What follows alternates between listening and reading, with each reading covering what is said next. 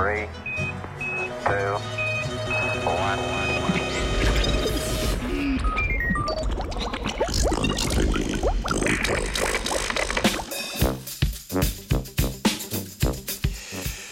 Vstajanje od mrtvih po rastlinsko.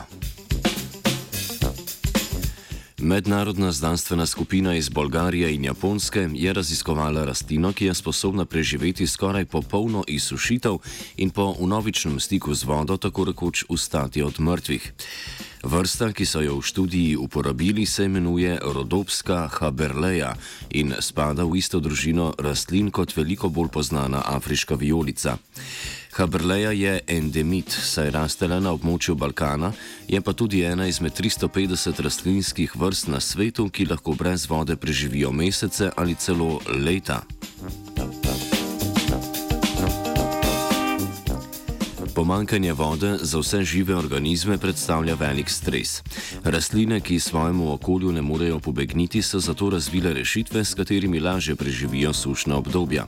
Večina rastlinskih vrst je sposobna preživeti kratka sušna obdobja, vendar odmrejo, ko vsebnost vode v njihovih tkivih pade pod 35 odstotkov, medtem ko lahko Haberleja več let preživi z le 10 odstotki vode v tkivih.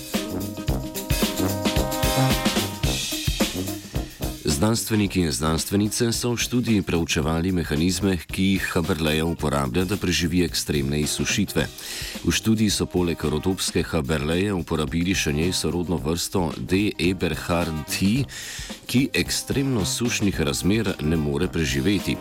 Obe vrsti rastlin so izpostavili sušnim razmeram in fiziološke spremembe v tkivih spremljali spektroskopskimi metodami in akvafotomsko analizo. Rastline so na to še rehidrirali. Ugotovili so, da izsušitev pri teh dveh vrstah poteka drugače. Ena od razlik je bila, da se je D. Eberharti trudila obdržati čim več vode, medtem ko se je Haberleja izsušila zelo hitro.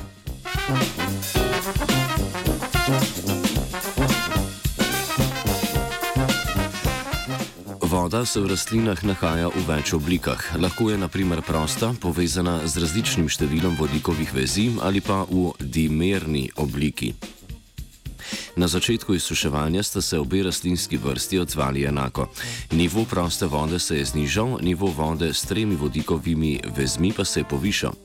Kasneje v izsuševanju pa je prišlo do pomembnih razlik. Ugotovili so, da lahko Haberleja uravnava razmerje med različnimi vrstami vode v svojih tkivih, saj je med izsušitvijo znižala nivo proste vode v tkivih ter povečala nivo dimerne oblike vode in vode s štirimi vodikovimi vezmi. To naj bi zmanjšalo možnost poškodbe tkiv ob izsušitvi.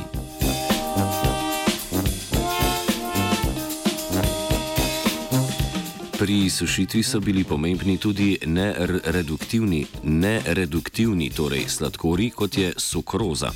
Ti sladkori s pomočjo vodikovih vezi ustvarijo mrežo, ki prepreči fuzijo membran in konformacijske spremembe proteinov znotraj celic, kar omogoča, da se strukture v celicah ohranijo tudi, ko je rastlina izsušena. V zadnji fazi sušitve pa naj bi pomembno vlogo igrali predvsem vodni dimeri.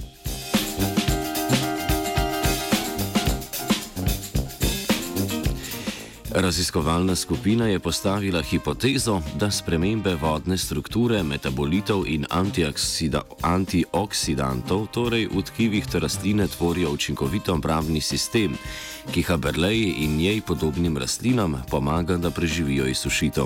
Raziskovalci so zapisali še, da je bila to prva študija, ki je spremljala molekularne oblike vode v rastlinah med izsušitvijo, ter da bi bilo v prihodnosti proces sušenja zanimivo spremljati tudi pri drugih vrstah rastlin, ki lahko preživijo izsušitev.